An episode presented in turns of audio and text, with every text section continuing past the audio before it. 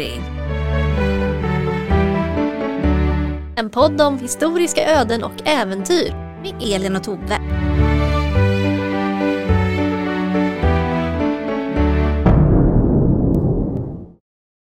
I förra avsnittet av Lappri. Folket gillar kungen, men adeln gillar inte kungen. Precis. Och folket gillar inte adeln. Peklin, han är en riktigt slug politiker. Han har... Men Ribbing har också ett privat misslyckande som han skyller på kungen. Och eh, vi kan tänka oss att Ribbing är lite machomannen med hetsigt humör så är hon hans eh, känsliga konstnärskompis. Ankarström beskrivs som vuxen, som kort till växten, mörkt hår, intensiva ögon.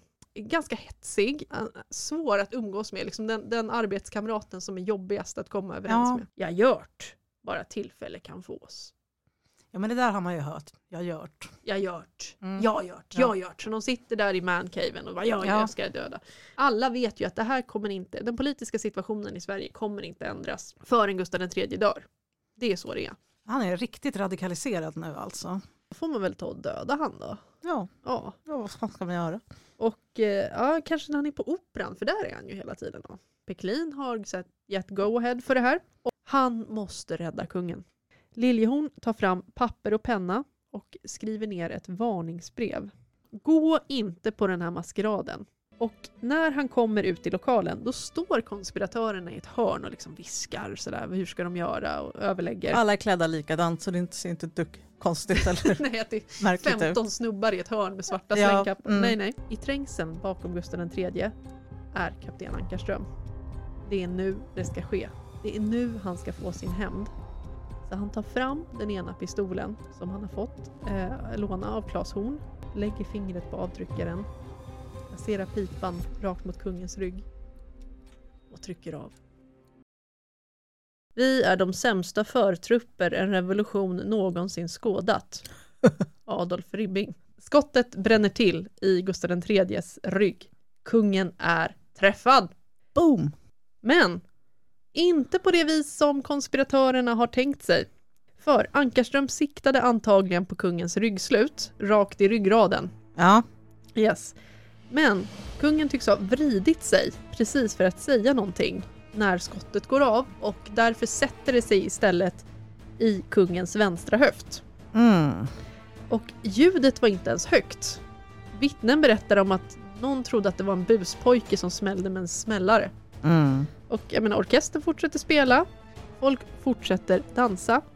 Men konspiratörerna, de följer planen. ja. De börjar ropa, okej, kungen står liksom, "Uh, uh, skjut." De ropar elden är lös, stampar i marken, elden är lös, elden är lös. Ankarström, hans första instinkt är att göra som du föreslog förut, att eh, sticka kniven med hullingar i kungen. Stabba, stabba. Stab, stab, stab. Men han låter av någon anledning bli. Istället kastar han pistolen och knivarna från sig. Allt har gått fel. För att eh, kungen har inte fallit död ner. Nej. Han är inte ens medvetslös. Istället så står han och lutar sig mot von Essen, tar av sig sin mask och utbrister Ej, ej, je suis blessé! Alltså, aj, aj, jag är sårad. Ja. Ja. Aj, aj. Och von Essen förstår direkt vad som har hänt. Men han står ensam med kungen omgiven av konspiratörerna. Så han står där, kungen är skadad, hänger på honom och det är fullt med liksom män med mystiska svarta slängkappor runt om dem. Jobbigt. Skitjobbig dag på jobbet. Ja. En av kungens vakter, Gustav Lövenhjelm, han hör det här skottet och även om det kanske är en smällare så kommer han genast springande till Men kungen. det är hans jobb. Det är hans jobb. Och han upptäcker att kungen är där, omgiven av män i svarta slängkappor. Von Essen får syn på Lövenhjelm och utbrister En bov har skjutit kungen! Vad är, har de för rutiner för det här? Ja, Lövenhjelm tar sin värja och röjer plats med den liksom så att alla måste backa när han börjar vifta. Så han driver bort de här männen i svarta slängkappor. Och kungen, han är liksom med så han ger order Grip honom, men gör honom inte illa. Mm. För att han vill ju inte att någon ska bli lynchad, han vill ju veta vad det här är för Ja, någonting. Mm. Ytterligare en person hojtar någonstans Stäng dörrarna! Stäng dörrarna! Och vaktmästaren, och han hör det här, så han stänger och lyder genast. Han, nu är det stängt. Ja. Ja, nu är det stängt. Kungen är vid medvetande. Innan de gav de här orderna så hann vissa personer faktiskt ut. En av dem var en gosse som heter Nils Åberg som jobbar för Peklin. Och han Mm. sprang ju hela vägen hem. Ja. Och kungen bärs iväg till sitt privata rum. Så nu står våra Avengers där. Ja. Ja, kanske ganska rådvilla, Ja. lite chockade. Inget har blivit som de planerade. Nej. Nej.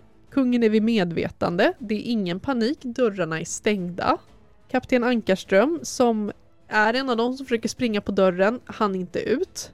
Och han har släppt mordvapnen. Han har släppt den ena pistolen och den, som, den ryker ju. Så han Ja. kan ju inte gå runt med en rykande pistol och han har släppt knivarna. Och sen finns det en sak i hans berättelse som är väldigt talande och ganska tragisk. Ingen av grevarna ville tala med mig sedan. Nej, Nej, de känner inte honom. han var ju bara en, dukt... en nyttig idiot. Ja, de låtsas att de inte känner honom. Istället så har han ett kort samtal med trumpetaren Olof Örnberg som satt i orkestern den här kvällen. Och Örnberg är nog den dummaste personen i den här historien förutom Horn. Eller han är nog dummare än Horn. Ja, men det låter... Ja. Ankarström frågar Örnberg lite casual så här, jaha, såg du vem som sköt kungen? Och Örnberg svarar, ja. Och Ankarström säger, "Eh, ja, det vore ju lyckligt om man fick tag på den personen. Blink, blink. Ja, och sen frågar han Örnberg, "Ehm, så, du såg inte hur den här personen såg ut? Och Örnberg säger, ja, han var ju klädd precis som du och hade ungefär samma kroppsbyggnad. Aj. Ja, Ja. så jag vet inte om Örnberg är dum eller om han bara är Hörru du lilla gumman. Han trollar Ankarström. Ehm, en av dem som lyckas smita ut, som jag tror lyckas smita ut, det kan vara så att han faktiskt blev kvar också, jag är inte helt säker, det är Claes Horn. För han säger till vakten att äh, men min fru är ju sjuk eh, hemma så jag måste gå hem nu. Och sen springer hon ut, springer genom natten ner till kajen där de gömde sina vapen och kastar allting i strömmen. Ja. Förutom en av sablarna, för den behöver han för att han ska åka, han, han hyr en, en vagn och sen så for, far han fort iväg innan de hinner stänga stan. Mm. Och han tar sig hem till, till Solna faktiskt. Mm. Kungens vänner som var på plats, de börjar samlas i hans privata rum. Gustav III själv, eh, gissningsvis ganska chockad, men han har Ja. inte tappat fattningen. Han, liksom, eh, han försöker liksom spela ner det här lite nu. Ja. Nu är det ingen fara. Liksom, det är lite jobbigt att vara en sårad diktator. ja, han kan inte ligga på rygg förmodligen. Nej, eh, så han försöker liksom, "Mm, mm, det är ingen fara. En person, hovstallmästaren Hamilton, störtar in, så frågar kungen. Vad fattas er? Ni är så blek och ser så bestört ut. Ja. Och eh, Hamilton uttrycker sin chock över vad som har hänt och då säger kungen att ja men det här är snart läkt, men tillägger han, det är besynnerligt att bliva blesserad på ett operahus när man nyss återkommit oskadd från ett krig. Ja, det är ganska besynnerligt. Ja, så han försöker liksom att spela ner det. Ja. Så här, "Äh, det är lugnt killar, det är lugnt, det är lugnt, det är lugnt. Första läkaren på plats är hovkirurgen Hallman, vilken kungen fatshamear. Det första. Nej. Jo, se hur min tjocke Hallman pustar. Ja, jag sprang för att komma till ers majestäts sida, men okej. Brukar du fatshamea läkare på akuten? Det brukar vara tvärtom. Same. Same. Um, Hallman tittar på skadorna och eh, han har svårt att uttala sig om hur omfattande de är. Och då får han lite skäll av Gustav III. Jaha, begrip att en konung bör få veta sin fara och ni bör uttala er. Men alltså Hallman säger, men jag har inte ens utrustning. Nej, Nej, jag, jag vet inte. ja, det är ett sår. Ja. Ungefär samtidigt så anländer kungens nära vän Gustav Maurits Armfelt till operahuset. För nu passar det att komma. Ja, och det är alltså han som gifte sig på Fire Festival Ja. några år tidigare. Ja. Och han har varit på en annan bjudning som han inte kunde tacka nej till för det var någon rysk ambassadör sådär. Ja, ja, ja. Mm. Ja, och kungen har tjatat men skulle inte komma på maskeraden Armfelt. Så Armfelt har sagt okej, men det får inte bli för sent för Armfelt är lite sjuk så han vill komma hem faktiskt. Ja. Mm, men alltså lite sent, klockan är 12 på natten. Ja, Ja. ja, men det... Ja, det, det vad det. Och när han anländer så säger portvakten att eh, herr generalen har rättighet att gå in, men icke att komma ut igen. Och Armfelt säger att eh, han trodde att vakten hade mist förståndet och låtsades att han inte förstod honom. Så han gick bara och röck upp dörren själv. Mm. Och då säger eh, vakten då att eh, kungen är sårad av ett pistolskott. Ingen får gå ut, ty man vill gripa mördaren. Och Armfelts hjärta liksom bara stannar säkert och han springer in. I kungens rum så är det väldigt dystert. Det är liksom hans lilla matsal och den är upplyst av ett enda litet ljus. Oj. Ja, och eh, vid kakelugnen så sitter en liten page och gråter. Nej, det var inte så roligt. Nej. Ett gråtande barn. Jag bara, det var så Elin bara, mörkt, det är mörkt och man hör gråtande barn. Det är inte roligt.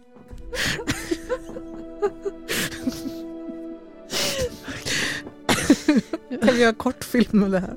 Ja. Armfelt kastar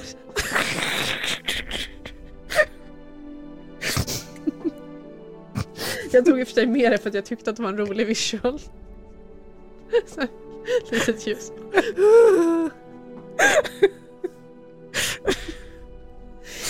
Ja, mm, mm. Och Armfelt kastar sig in till kungen eh, där han ligger på en divan som nyligen har burits in till honom som han bara haft den några dagar faktiskt. Oj. Mm. Ehm, Vilken tur. Ja, det var bra att de hade den. Och då berättar Anfält att så snart kungen fick se mig sade han Min vän, skulle ni någonsin hava trott att jag skulle bli sårad bakifrån? Han eh, räckte mig där på handen och smålog samt sade med anledning av den obeskrivliga bestörtning vari jag befann mig. Var inte så förskräckt min kära Armfelt. Ni vet vad det är att vara sårad. Det är ingenting. Det gör inte ens ont. Han är stoisk och Ja, han kör, stark. Ja. ja, han kör, han kör på full on liksom. ja. Ingen fara, ingen fara, ingen fara. Jag vet inte varför jag gör den här rösten by the way när jag ska imitera Gustav III. Jag har sett sammansvärjningen från 1986 för många gånger och det har förstört mig, okej? Ja, nej, men det är väl bra att du har en konsekvent Alltså, man eh, förstår röst vem det är som fall. Ja, pratar. det gör man. Det gör Ja. man. Mm. Jag gör i alla fall inte roliga dialekter och sådär, det gör jag inte. Men det är så här, det gör inte alls ont, säger kungen. Men Armfelt ser ju att kungen blöder kraftigt, alltså det, det är bara blod överallt. Ja. Kungens bror, hertig Karl, kommer givetvis dit genast. Och här finns det två helt åtsk- åtskilda vittnesmål som man får välja att tro på baserat på vad man tycker om Karl. Men jag vet att du skulle bli ledsen om jag inte tog upp den ena. Jag vill höra båda. Ja, du får höra båda. Ja. Och i en version som ofta citerats så sitter Karl liksom redo på sitt rum klädd i sin amiraluniform när han får beskedet. Och bara ja, här kommer jag. I en annan version så ligger Karl och sover och blir väckt. Men han kommer i alla fall dit tillsammans med den andra brorsan som heter Fredrik Adolf. Och Karl blir så kraftlös och upplöst när han, han hade kunnat svimma om han inte fick stöd av två av de här små pagerna. Ja, så får lyfta den här medelålders, förmodligen ganska fetlagda mannen. Ja. Ja, och det, Gråtande. ja, och den han säger är Bror Gösta, Bror Gösta. Ja. Så vanligt var det ingen som orkade säga till syrran Sofia Albertina. Nej, det, det är fakt- hon bor ju rakt över Ja. i arvfurstens palats. Hon bor Ja. liksom tio sekunders promenad därifrån men ingen hämtar henne. De Nej, glömde henne igen. faktiskt. Armfelt går ner och tar en liten runda i balsalen. Och där står alla fortfarande. Och... Alla är ju där för de, Ja. de, vet, de får inte komma ut. De, bara, de vet bara att kungen har blivit skjuten. Är baren fortfarande öppen? Jag hoppas det. Ja. Ja. Genast kommer fucking Ribbing fram till Armfelt och frågar oroligt hur det är med kungen. Så falskt, så Ja. lömskt. Ja, och Ribbing kallar till och med Armfelt för kusin. Han bara åh, kusin Armfelt. Det här ger ju Armfelt lite varningsklockor eftersom eh, de här två har ju alltid varit kungens motståndare. Mm, de går aldrig på hans kalas och Nej. fester. Och nu är de där. Oj, Ja. oj, mhm. Och är jätteoroliga. Och eh, kungens vagn körs fram, han transporteras till slottet, bärs ner i en stol för han orkar inte gå själv och hojtar i trappan till de som ser honom. Här kommer jag som påven! Kan du säga det med ännu fånigare röst? Du vill bara göra en soundbite av det här. ja, Okej. Här kommer jag som påven! får jag försöka? Ja, du får försöka, men Nej, jag tror inte jag kan lika bra. du får försöka. Kör, kör. Här kommer jag som på... Nej, nej, nej, det var fel. Och han körs iväg till slottet. Eh, ryktet har ju redan börjat gå i stan så att vägen till slottet mellan slottet och operan, det är liksom fem minuter, eh, den är kantad av oroade stockholmare som fyller luften av suckar och klagorop. Alltså sover folk aldrig i den här stan? Nej, the city that never sleeps. Ja. Och under tiden som kungen förs iväg så anländer eh, en, ja, lite mer snuten i den här historien, polismästaren Henrik Liljensparre till operahuset. Liljensparre, han är liksom en riktig polis, han är supernitisk. Och frågan är, vem är bäst på att lösa brott? Är det Liljensparre eller är det Madame Radon? Hmm. Hon är förmodligen död nu. Ja, det är hon nog. Ja. Men hans order är att undvika upplopp och panik samt att hitta mördaren och eventuella medbrottslingar. Ja, men det... Ja, och det, han kommer in i det här huset och han vet ju att någon av de här är det ju. Ja. ja. Så han har ju lite dukat bord men det, det kan ändå vara svårt det här. Liljensparre smäller upp ett bord och alla som är på plats måste demaskera sig och uppge sitt namn och så skriver han upp dem på en lista. Så han vet ju att en, någon person på listan här, det är ju mördaren. Samtidigt kan man ju säga ett helt annat namn. Ja, jag kan ju säga att jag heter Elin. Ja, och jag kan säga att jag heter Tove. Eller Fan vad sur jag hade blivit. Estragon eller vad som helst. Jag var ju hemma. En av poliserna hittade dessutom eh, pistolerna och de andra vapnen som Ankarström har kastat ifrån sig för han hade den andra pistolen på sig men han tänkte att shit nu kommer polisen, då kommer de ju säkert visitera. Mm. Då ser det jättejobbigt ut att gå med en pistol på sig. Så han har kastat ifrån sig den. Men nu har de hittat alltså ett, varningsbrevet då, har de ju fått. Ja. Och sen har han pistolerna att gå på också. Mm. Och Liljensparre, ja, han tittar på de här pistolerna och kan konstatera att okej, det här är dyra pistoler, det här är vålbärgare. Mm. Det Mm. är inte alla som har sådana pistoler. Två kan han se att stocken på en av de här pistolerna har ju nyligen blivit utbytt. Här är ytterligare en ledtråd. Aha, säger han. Så, dörrknackning hos alla Stockholms pistolsmeder. Det finns 26 stycken. Ja, det, det är Ja. inte jättelite men det är inte jättemånga heller. Tänk om Nej. det hade varit skomakare eller Nej. någonting. Det är säkert ännu fler. Ja. För att se, känner någon igen de här då? Och det här är ju mitt i natten så att de stormar typ in som ett 1700-tals SWAT-team. Bara upp, upp, upp, upp. jobbigt. Ja, och det tar inte så himla lång tid att hitta den här personen. Ganska snart har de hittat pistolsmeden Kaufman som har ju sin verkstad precis vid Hötorget så han, det är ju väldigt nära där Ankarström bor. Ja. Och han säger att ja, jag känner igen de här pistolerna men han vill ju inte uppge sin kunds namn för att det är ju lite Det är GDPR. Ja, det är lite GDPR, men nej, skitjobbiga EU-lagstiftningar. Det kan Ja. inte. Ja. Och då får han veta att ja, men de här pistolerna används för att skjuta kungen. Och, och då, då hasplar han ur sig namnet väldigt snabbt. Ja. Och det betyder ju att Liljensparre alltså har ett namn på personen som i alla fall hade de här pistolerna senast redan på morgonen den 17 mars. Oj, ja. Ja. Det var Ankarström med pistolerna i Stockholms operahus. ja.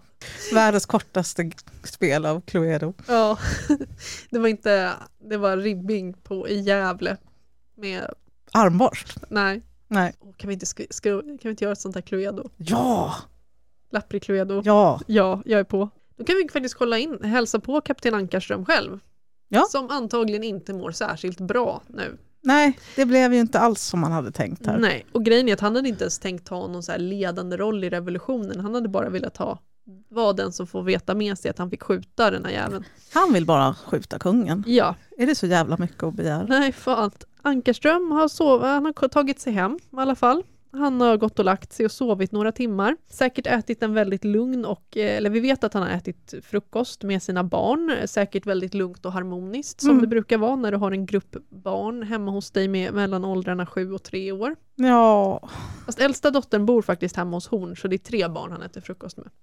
varför bor hon hos honom? Men det var ju ganska vanligt att du lämnar bort lite barn ibland så att de fick Ja. bli uppfostrade hos någon annan och hon har ju väldigt lite Ja, en greve har väl Ja, lite, kanske Anna. hon är äldst också, hon äter mest dyr. Ja, Ja. stick Ja. ut. och eh, väldigt tidigt på morgonen, typ klockan sex sådär, då går han hem till sin bror Gustav Adolf Ankarström och eh, lämnar över en hel drös med papper som är hans och säger lite kryptiskt att ta hand om barnen och frun Mm. eh, om någonting skulle hända. Ja. Men ha, frågar Gustav Adolf, "Va- varför är du här klockan sex på morgonen och vad vill du? Vad, vad har hänt? Men det vill han inte säga utan han bara försvinner. Och klockan 10.00 så är polisen på plats eh, hemma hos Ankarström och plockar in honom. Mm. Ankarström keeps it real, han erkänner direkt, ja, Mm. nej det var jag som sköt, det, pff, det var jag. Mm. Boom! Första ledtråden har gett utdelning. Men vad kan Liljensparre lära sig av varningsbrevet? Jo, det är så här att en pojke som heter Peter Bark som är 12 år som eh, var den som överlämnade det här brevet. Han kommer till polisen och berättar att ja, men det var jag som lämnade brevet till, Mm. till kungen. Okej, säger polisen, då ska du få göra någonting som kallas för att gå tillbaka i dina egna fotspår. Så ska du få visa var det här brevet, var du fick det någonstans. Okej, säger den här ungen och visar vägen där till Kastenhov mitt emot operan där Liljehorns kontor ligger. Mm. Okej, säger polisen. Väntar lite i trapphuset och säger kan du gå upp och kan du knacka på den dörren? Och eh, den här pojken går upp, Peter knackar på dörren. Och nog fan öppnas dörren av överstelöjtnant Liljehorn. Ja, Ja, och så säger pojken att det var ja, den farbrorn. ja han, han säger han säger jag vill ha mina två riksdaler, jag fick dem inte. Nej, för att Liljehorn ville inte stanna kvar och vänta han, ifall det skulle komma ut någon, så han gick ju därifrån. Han stiffade den här stackars fattiga gossen. Ja, och då går det så här. Ja. Ja. Och Liljehorn han flippar ut i trapphuset på den här ungen och bara Jag har inte gett dig någon, jag har inte lämnat något brev. Jag har inte lämnat något brev. Polisen de, de, de noterar ju det här. Ja. De vet ju vem han är. Eh, och efter det här så går Liljehorn för att avlägga en liten visit hos kungen. Några av de sammansmurna har samlats hemma hos Beklin för att styra upp det här läget och då kommer de överens om att bara, nu, nu bara stilbålar vi det här, nu håller vi god min allihopa. ja, Ja. vi skjuter revolutionen på framtiden lite grann. ja, det blev inte som vi hade tänkt. Nej. Kungen ligger sårad på slottet i sin paradsängkammare. Det ser väldigt illa ut, det har man insett. Direkt på lördagsmorgonen så har han blivit opererad, säger jag med kanintecken, av Ja. flera läkare. De hade ingen bedövning och kungen är vid medvetande hela tiden. Han håller armfält i handen och ibland så trycker han till lite hårdare men han säger ingenting, han gnyr inte, han piper inte Mm. enligt Armfelt. Vid ett tillfälle har en av läkarna liksom handen inne i kungens kött och gräver. Ja, mm, trigger warning. Kunde de inte tagit en magnet? Och han får ut en del av tapetnubben. Och det här är grejen, alltså grejen är den här laddningen. För Ankarström hade som för avsikt att eh, när han laddar de här pistolerna, tapetnubb och skrot, Mm. eh, det ska ju bara tillföras, det ska vara skitsvårt att plocka ut för är Ja. det en kula då kan de ta ut den på Ja, den här visst. tiden. Ja, det är inga problem. Eller beroende på var den sitter, men det går att ta ut det. Men det här, det ska vara skitjobbigt.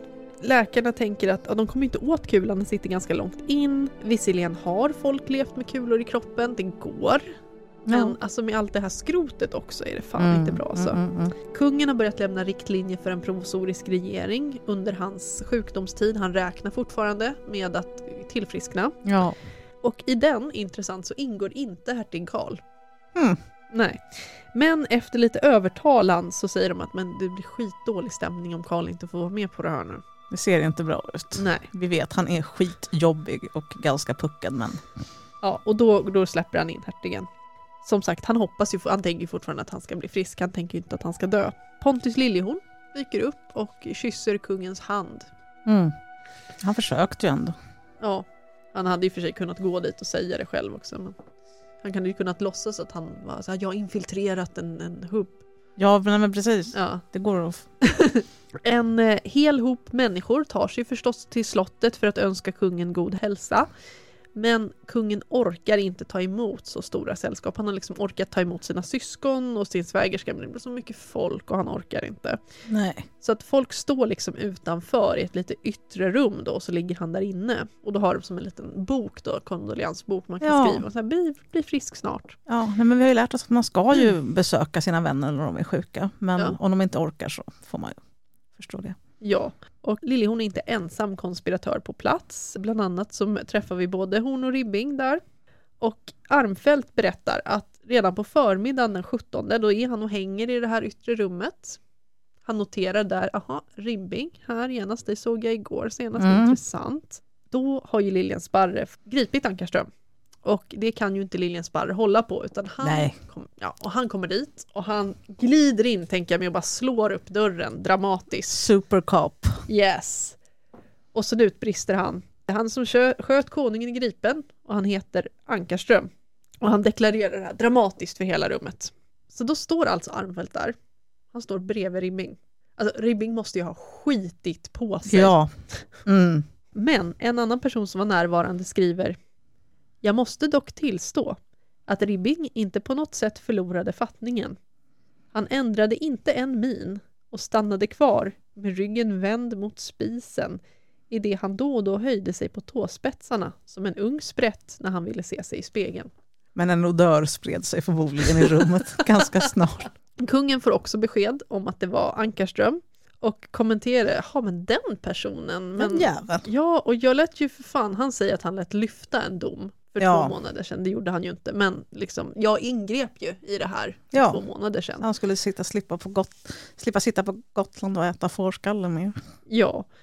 Och han är också lite low key besviken att det var Ankarström för att det, är ju ganska keff mördare att bli skjuten av. Kunde väl varit en greve? Eller åtminstone en friherre. Ja, Det är lite det. Alltså Ja. först, först så tänker han att, ja men först tänker han faktiskt att det är en fransk skådespelare som är liksom erkänd revolutionär som finns i Stockholm. Men det var inte han för han låg och sov. Ja, Ja, och då blir han lite ledsen, då blir han lite ledsen att okej, det var inte en fransk revolutionär, jag hoppas att det inte är en svensk.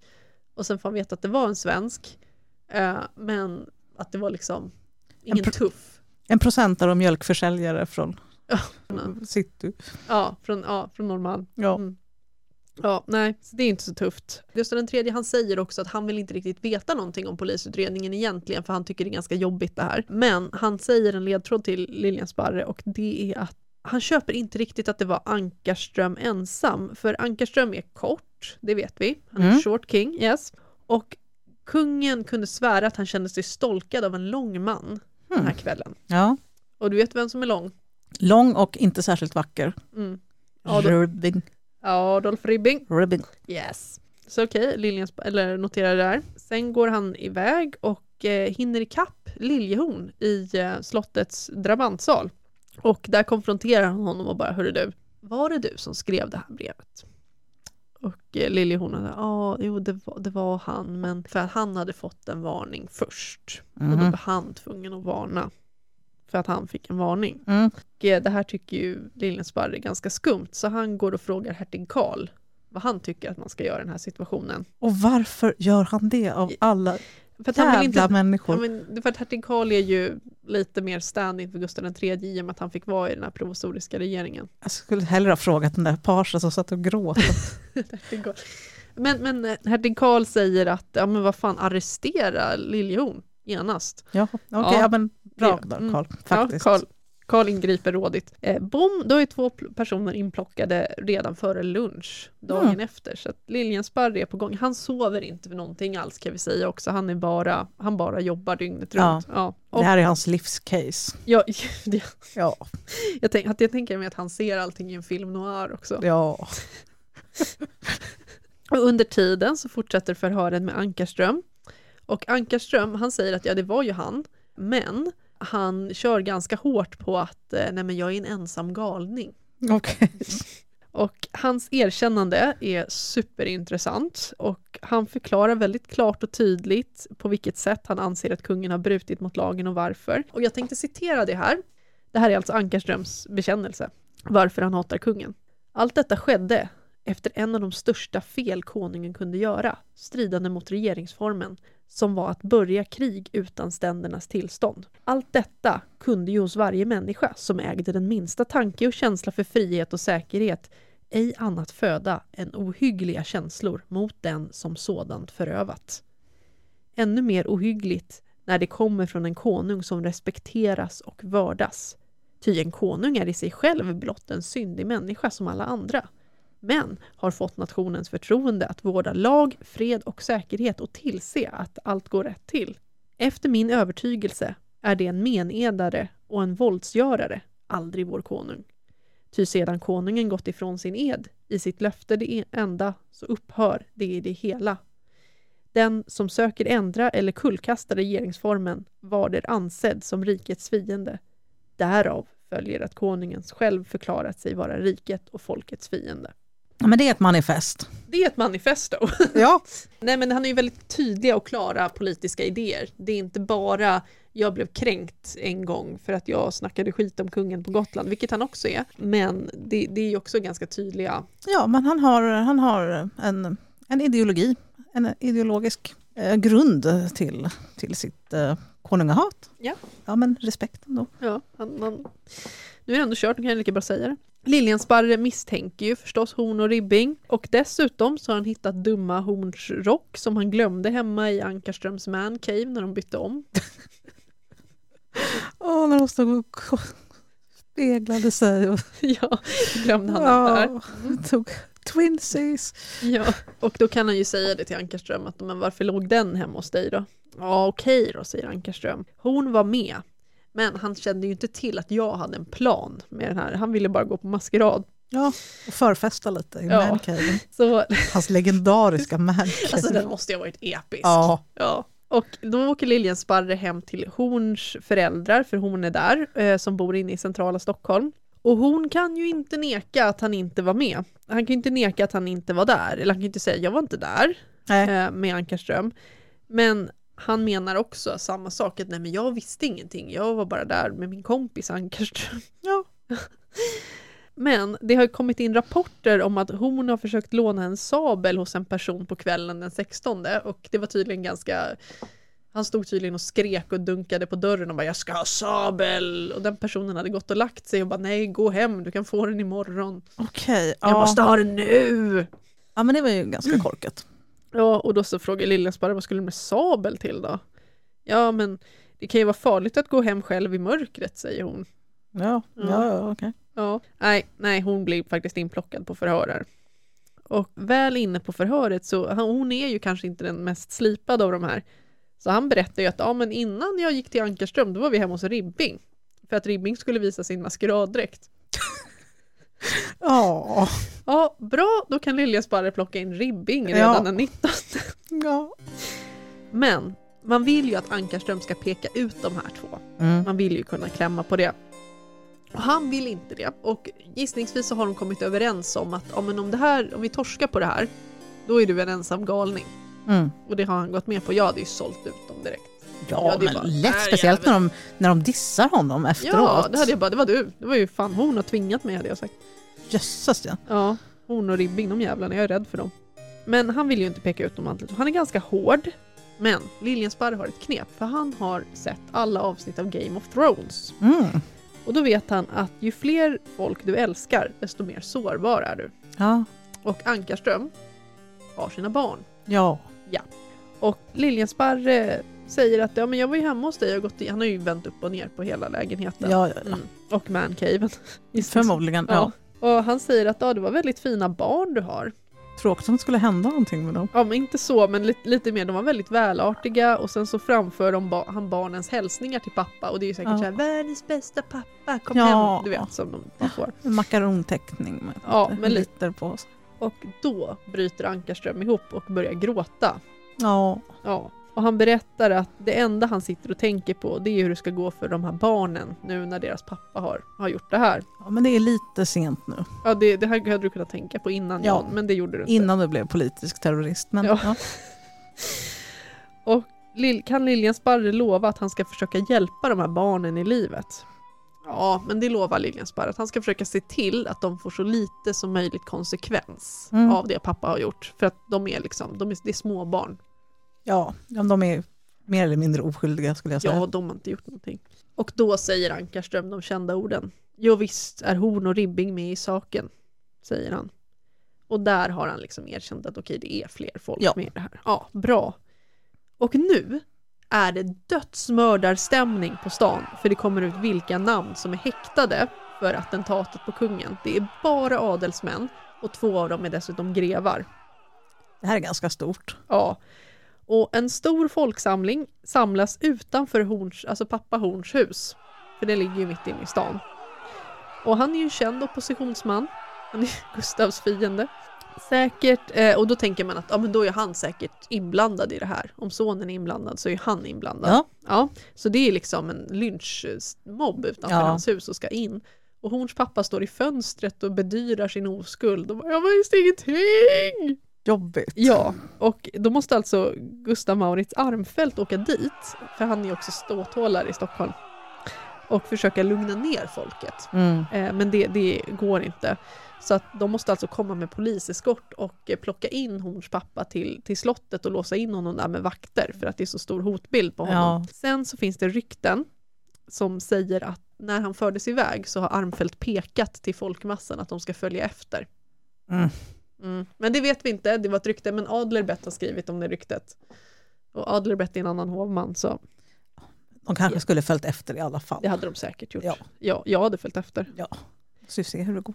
Ja, samtidigt så sitter sonen Horn, eh, alltså Klas då, Horn i fängelset och vill inte prata och tror att han är jävligt tuff. Men det är så här, det här är inte Liljens Barres första rodeo. Nej. Nej. Så han vet hur man gör. Först så skruvar han igen alla fönster i Horns cell så att det blir helt mörkt. Så sätter han gråtande pars. så han sitter i sitt lilla mörker. Och sen när hon ligger och sover på sin lilla brits, då, då kastar de in ett par läskiga handklovar mitt i natten. Och då, då tycker hon att nu blir det för tuffa tag här, så då börjar han faktiskt prata. Vadå, de bara slänger dem på golvet? Ja, han ligger i sängen så här Ja. och sen så kastar man in ett par handklovar. Och då tänker han, oj, de där vill jag inte ha på mig. Nej. Nej. Vi kan säga att Ankarström sitter ju i sådana redan, men hon behöver inte det. Ribbing ger med sig också och erkänner att ja, men, jag, nej, men jag var med i det här. Både Horn och Ribbing anger ju Liljehorn. Och det får Liljehorn att erkänna att okej, ja, men jag var med i det här, jag fick inte det här brevet anonymt av en. Och, eh, och då börjar det rulla på ganska fort, då börjar folk ange varandra åt olika håll. Och det är väldigt många konspiratörer här, jag har ju bara pratat om en handfull. Så att, men det är ganska många namn som börjar ramla in här. Eh, en person som var inblandad heter Ture Bjelke och han inser att det är kört det här. Så att han eh, löser det här genom att svälja två stora skedar med arsenik. Mm. Ja.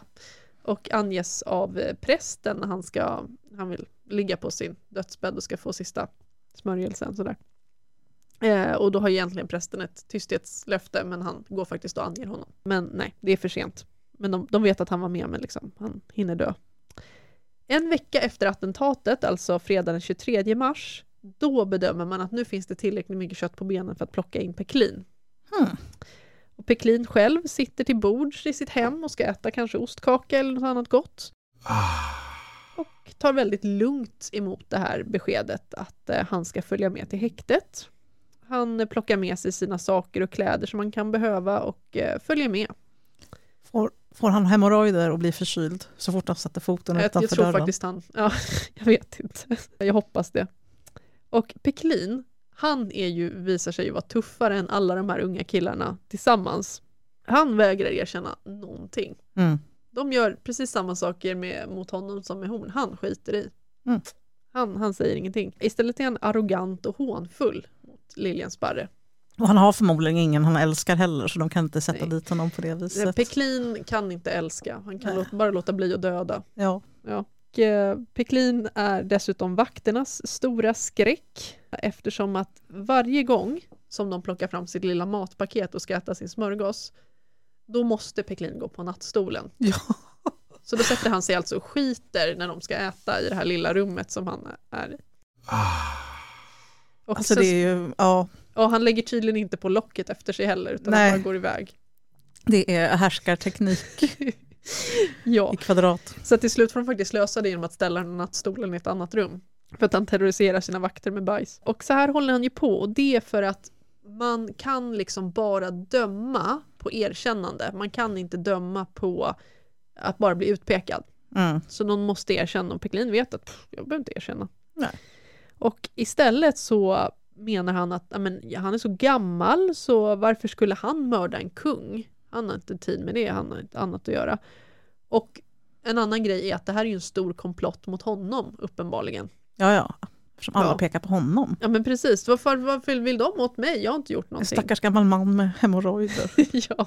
eh, han vet inte varför men alla tycks plötsligt bara vara ute efter honom. Och Liljensparre är så frustrerad. Han skriker och gapar och slår i bordet. Och till slut så tar han Peklins pipor och krossar dem mot golvet. Oj! Ja, och Peklin är ju storrökare så nu får han vara utan tobak. Det är kanske det han älskar då. Det är lite ironiskt det här att det var Gustav III som avskaffade tortyren. Det hade ju annars kanske Ja. hjälpt lite. Det, det hade hjälpt lite. Um, något Liljensparre hade faktiskt var att han hade en liten hund som fick sitta och gnälla och pipa så att det lät nästan som en människa. Ja men hon gick på det i alla fall. Han trodde att det var någon, oj nu torterar de Ankarström där nere. Vad kunde den här hunden gnälla på, på befallning? Jag vet inte, den var väl inlåst någonstans. Nej, tänk om de torterade hunden. Ja det fick man säkert. Nej. Ja. Eh, Men Peklin går inte på det där med hunden. Han, han, han hör ju skillnad, herregud. Han har väl slagit så många hundar. Han skulle nog inte brytt om det var någon annan som blev torterad heller. Nej, han skiter i. Men medans allt det här pågår då så blir ju kungens sjukdom allt värre. Ja. Han hade ju hoppats på att bli bättre men de har insett att det, han kommer inte bli det. Mm. Det har inte gått att operera honom ordentligt. Det här såret har börjat lukta ruttet. Och det gör väldigt ont, han kan liksom inte lu- luta sig på det. Man sprutar massor av parfym i rummet just för att det stinker ruttet kött Oj, från honom.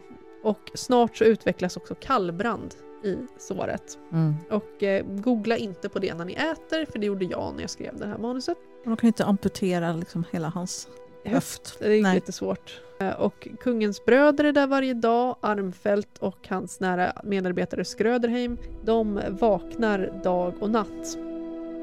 Men, och till slut så börjar man också ge kronprinsen tillträde för att Gustav III ville först skona honom lite från det här. Ja. Ja, det är lite jobbigt så han tänkte att ja, men om det bara går att plocka ut kulan och pappa blir bra efter någon dag då kanske vi inte behöver utsätta honom för det. Men eh, nu har de insett att det kommer inte bli så så då får han träffa sin, sin son. När han har blivit illa däran istället. Ja, och så, ligger ja. rutten, lu- luktar ruttet. Ja. Mm. Kungen har feber och han gillar ju att sova svalt men det är alltså iskallt ute. De har fönstren öppna så att så fort han somnar till då tar de på sig pälsjackor liksom som de sitter med Mm. för att de fryser så mycket. Ja. Ja, kungen orkar inte prata men han vill gärna ligga och lyssna på folk som pratar och eh, orkar han inte lyssna på det då vill han lyssna på högläsning. Och den 28 mars, alltså 12 dagar efter attentatet, då börjar kungen känna ett tryck över bröstet. Mm. Yes. Så ja, han börjar hosta slem, han har slem i luftrören. Okej, tänker de, aha, lunginflammation låter det här som. Och då har han en läkare som kommer dit och undersöker honom och ger besked nu att okej, men nu är det faktiskt så här Gustav att nu har du fem eller sex timmar kvar att leva här. Så pass allvarligt är det här. Mm. Och jaha, kungen konstaterar, tittar på klockan och konstaterar jaha, halv elva då.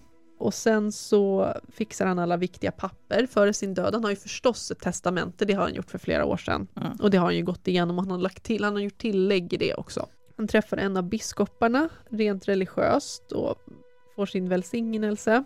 Och klockan är ungefär fem i elva på förmiddagen den 29 mars. Då försöker Armfelt övertala kungen att släppa in sin närmaste familj Mm. innan han avlider. Och det, det tycker kungen låter lämpligt men han är lite trött så han säger att ja, jag känner mig trött så några ögonblicks vila skulle göra mig gott. Mm. För att han vill vila lite innan Ja. sonen kommer. Han lägger sig, de lägger honom ner igen. Och Armfelt är så trött så han går ut för den här, utanför det här rummet och sen så kraschar han i en stol. Men han hinner knappt ens sätta sig förrän läkaren kommer tillbaks. Och ger besked då att nej det, det är slut. Mm. Och Armfelt störtar in till, eh, fram till sängen. Och säger nej men han, han sover. Ja, säger läkaren. Den eviga sömn. Det är väldigt dramatiskt. Ja.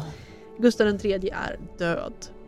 Han har av- avlidit ungefär klockan 11 på förmiddagen den 29 mars.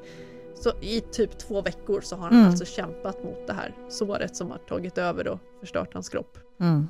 Ja, nej, men sorgligt är det hur som helst. Ja, men det- vad händer nu? Ja, nu blir det ju förstås landsorg för att kungen är död. Och kronprinsen är bara 12 år gammal så därför tar hertig Karl över regeringen.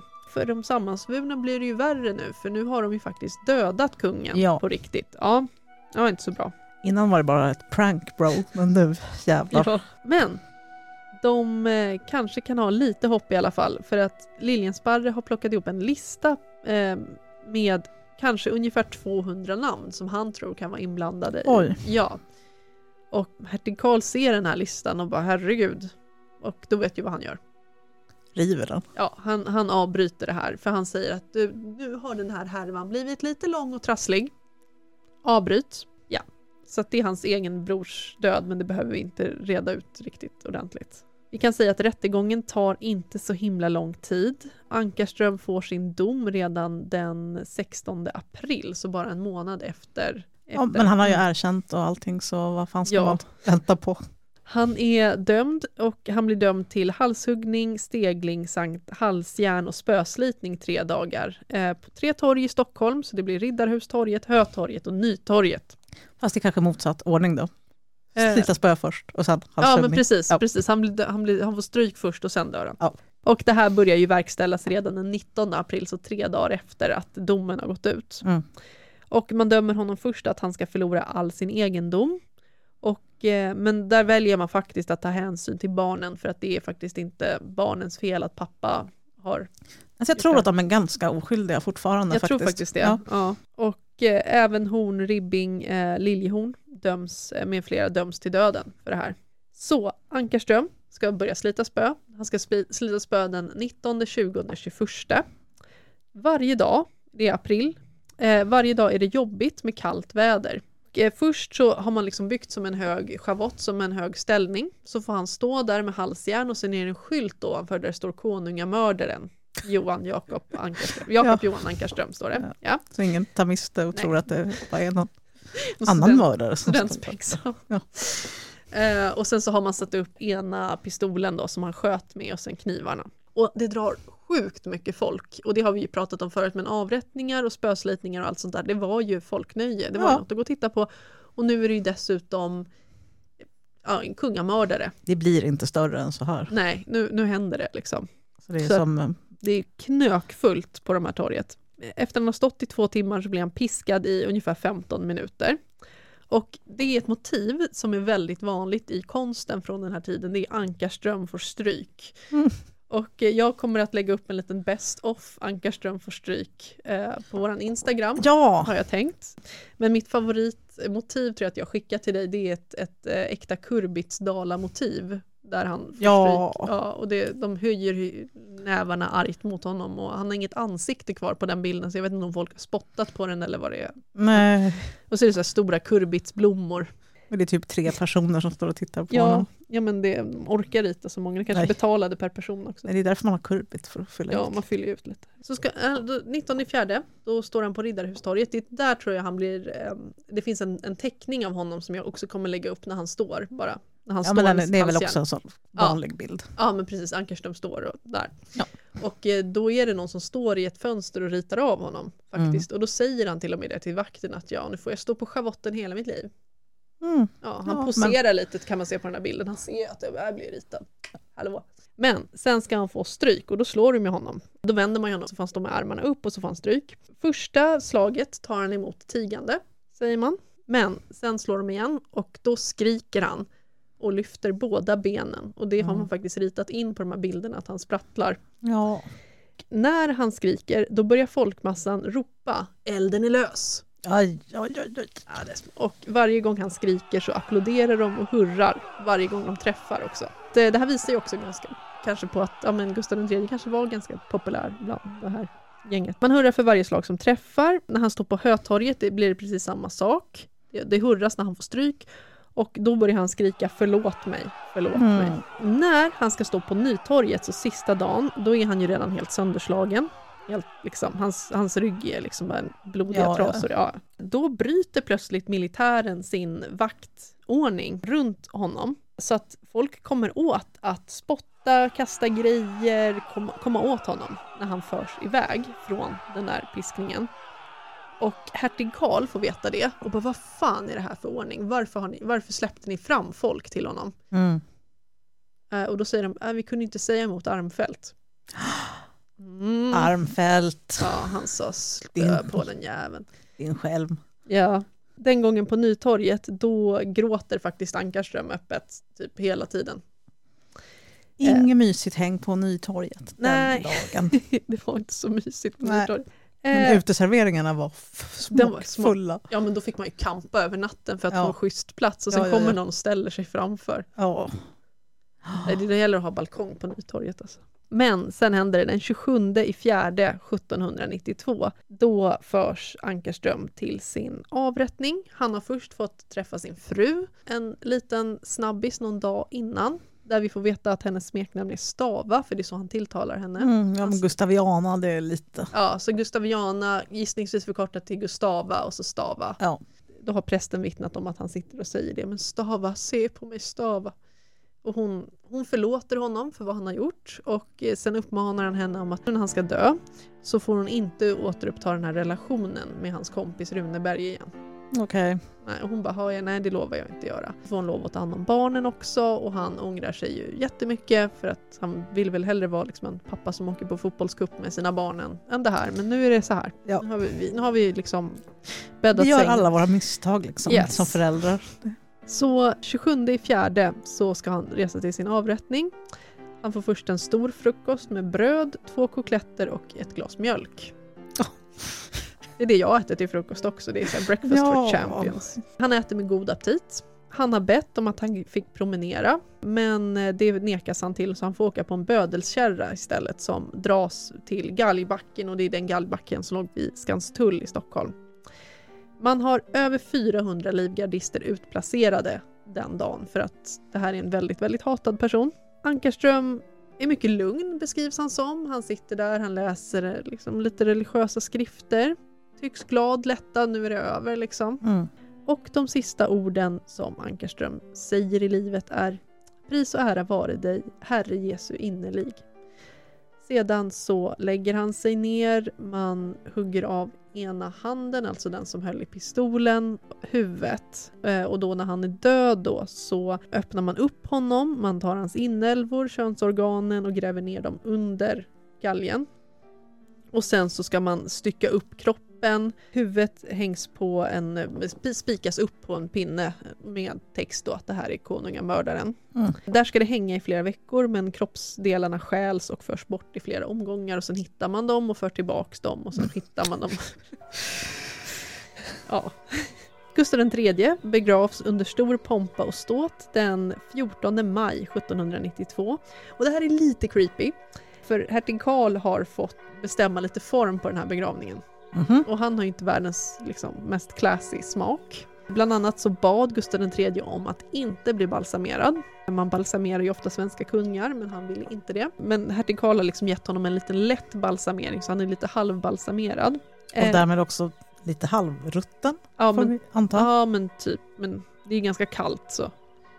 Och Karl har också, för att när man balsamerar så man tar ju ut ögonen och då har man satt i två emaljögon Mhm. Det gör, man- det gör man liksom för att de ska hålla formen på en Ja. kropp också, det gör man ju.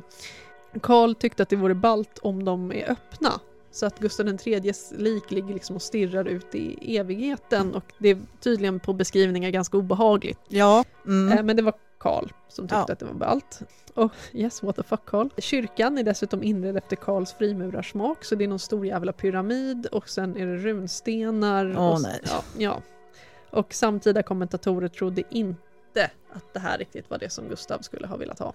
Nej. Men det var det han fick. Då kanske man undrar, jaha men nu är Ankarström död, kungen är begravd. När ska resten av gänget avrättas då?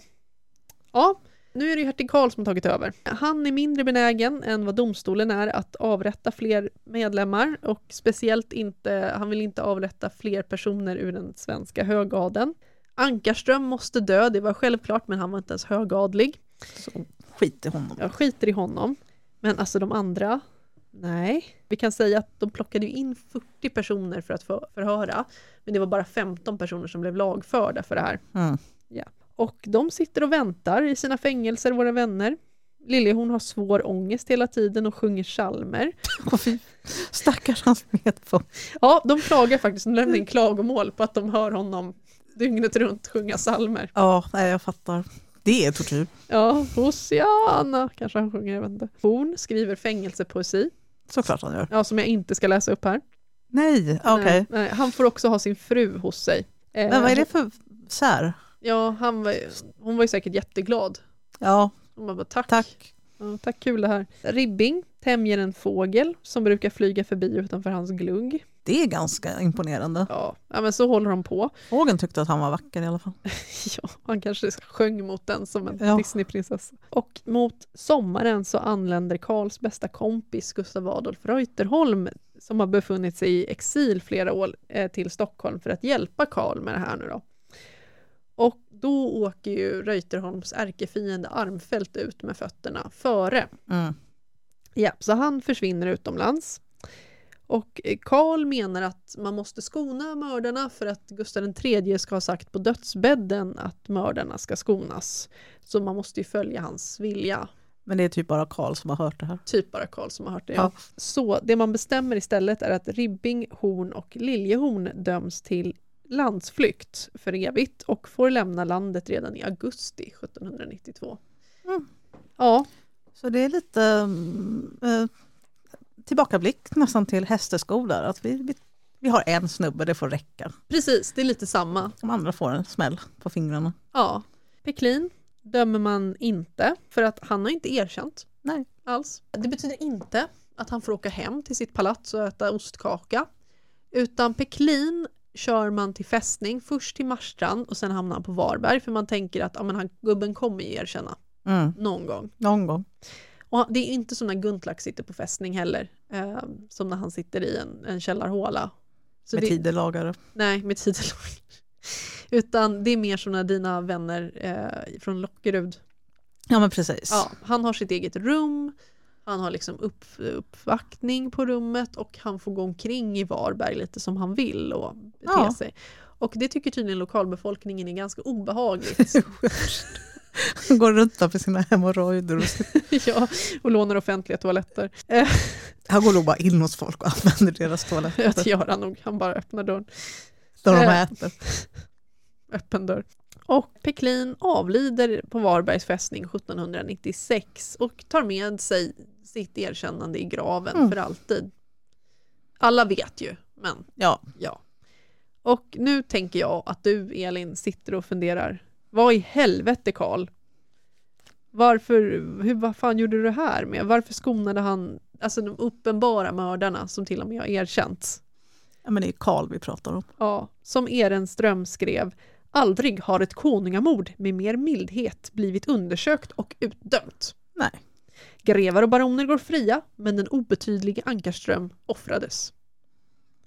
Och då har det föreslagits ganska ofta att Karl och även Reuterholm, då, det är därför jag tar upp honom, annars hade jag inte nämnt honom, att de var med på det här, att det var de två som satt och drog i några strängar. Och eh, Reuterholm, han var ju privat vän med Claes Horn bland annat. Alla de högt inblandade, flera av dem var frimurare och Karl är ju liksom högsta hönset för frimurarorden på den här tiden. Men vi kan ju också konstatera att alla som var någonting var en frimurare på den här tiden. Det var liksom det man var. Mm, typ som råttor idag. Ursäkta. Som råttor. Råttor? Ja, ja, Ja. jag tyckte du sa som råttor. Jag bara ursäkta. Nej, nej, det var, nej, det var lite hårt. Eh, nej men precis, alltså, du, du är liksom medlem där eh, om, du, om du är ball. De kommer vara med där, alla höga adelsmän är med där. Men, och då har man liksom lyft ett brev framförallt som en person som heter Karl Bonde som är vän till både Karl och Reuterholm har skrivit till Reuterholm. Och i det brevet så står det En revolution ligger och mognar. Despotismen tilltal. Han grundar sig på död. Men när? Och det är det främsta beviset som har lyfts, eh, förutom att de blev frikända. Ja. Och jag tror att vid sådana här händelser, när det är en känd, viktig, politiskt viktig person som berövas livet på det här sättet, då vill man gärna se en större maktkamp bakom det. Som Palme pratas det ju fortfarande jättemycket om, vem var det egentligen?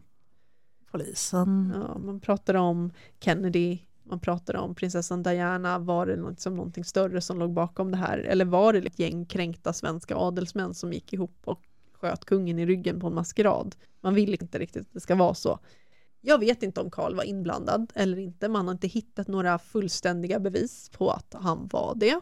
Och skulle man hitta det så skulle det vara väldigt, väldigt intressant. Jag tror att väldigt mycket handlar om att Karl är liksom lite feg. Han ska ta över makten nu i den här situationen som är jätte, jättepolitiskt komplicerad.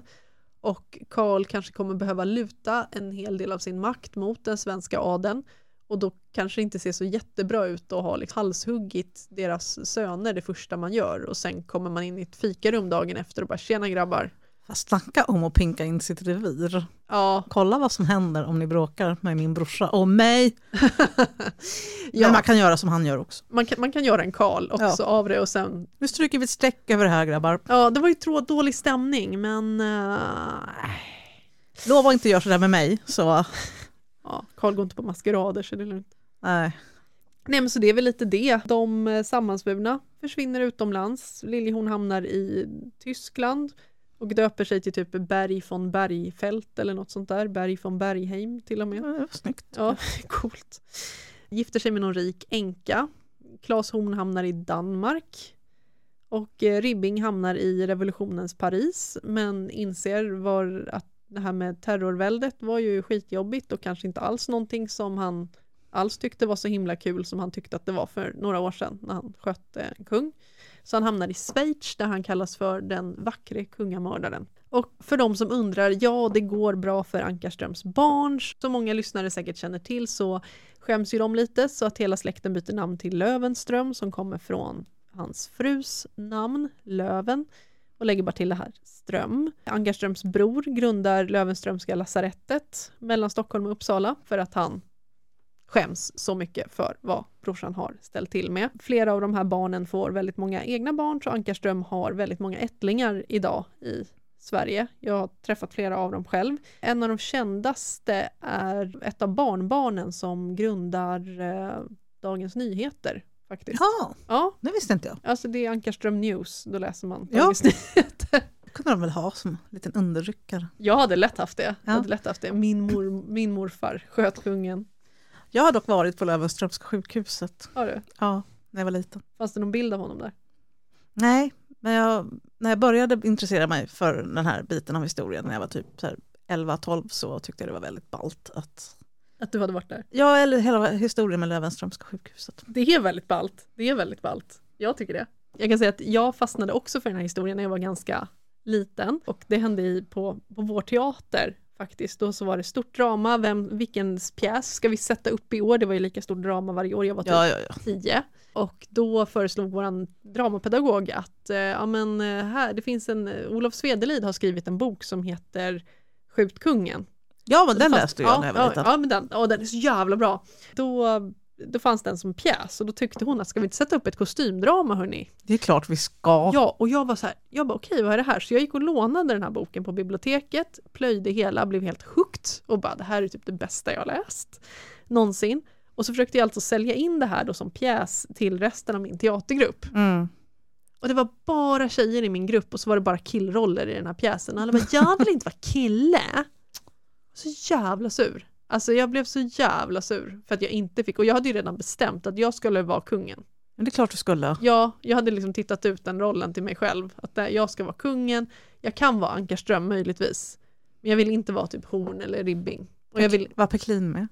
ja Peklin fanns med. Ja. Jag tror plotten i den där är att Ankarströms son ska vara pars vid hovet och spionera åt dem innan de gör det här. Oh, ja, Det är liksom en, jäv, en jävligt spicy plott. Det är lite fel ålder på den ungen för den stämmer inte med den sonen som den ska föreställa. Men skitsamma. Men det var, det var ingen i min teatergrupp som ville. Men Tove, det här måste vi ju göra någonting åt. Innan du fyller 40 så vi kanske inte gör en, en teaterpjäs men vi kan ju spela in det här som en, en film, tänker jag. En, Oh my god! en amatörfilm, en riktig amatörfilm. Riktigt filmat på, på, en, på en telefon. Ja, Bara, vi måste ha scenen med den lilla gråtande pars. ja. ja nej, men det här är mitt löfte till dig. Det kanske blir din I love 40-årspresent för då har vi lite tid på oss. Men vem får spela vem? Ska du spela Peklin? Jag kan spela Peklin. Ja. Jag kan spela flera roller, det Men kommer jag också. förmodligen behövas. Jag vill vara Ankarström tror jag. Man kan klippa ihop, Ja, men man kan man kan olika. fixa det mesta in post. Liksom. Ja, vi bara... Ja. Fy fan vad kul, det här gör vi. Ja. Det här gör vi. Mm. Nej men eh, Ni det kan swisha bidrag till en fond till det här. till Så slipper vi produktion. göra en kickstarter, det verkar skitjobbigt. Ja. Nej. Så tusen tack för att du har lyssnat på det här dubbelavsnittet av Lapri-podd och tusen tack för att jag fick prata om mitt lilla specialintresse. Och tack till dig Tove. Men tack själv för att du har lyssnat. Och kom ihåg nu att om ni får för, om ni ska göra någonting dumt och sen så ångrar ni er, då gå bara och säg det istället. Hitta inte på något påhittat varningsbrev. Och kom ihåg att eh, kungamord lönar sig typ alltid. Ni har lyssnat på Lappri, en podd om historiska öden och äventyr. Vi som har gjort podden heter Elin och Tove. Ni kan följa oss på Instagram på lappripodd, besöka oss på lappripodd.se och om vi hade väldigt fel kan ni mejla oss på lappripodd@gmail.com.